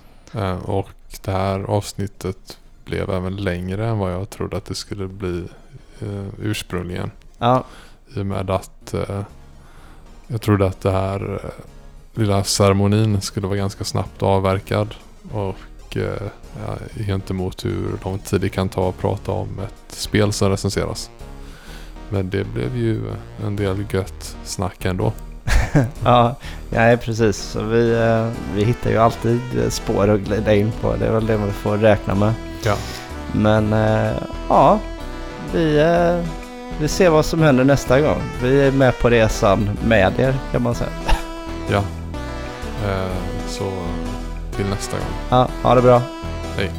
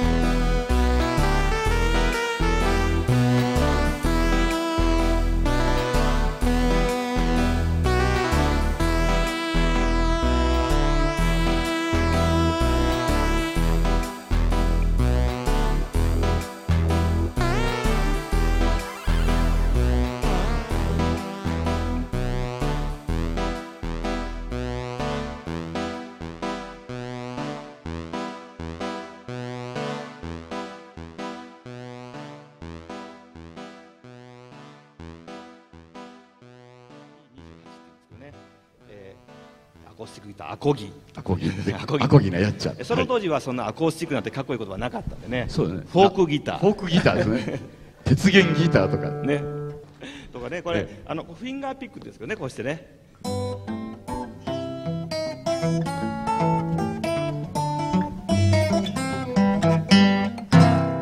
ドンキーコング。ピンポン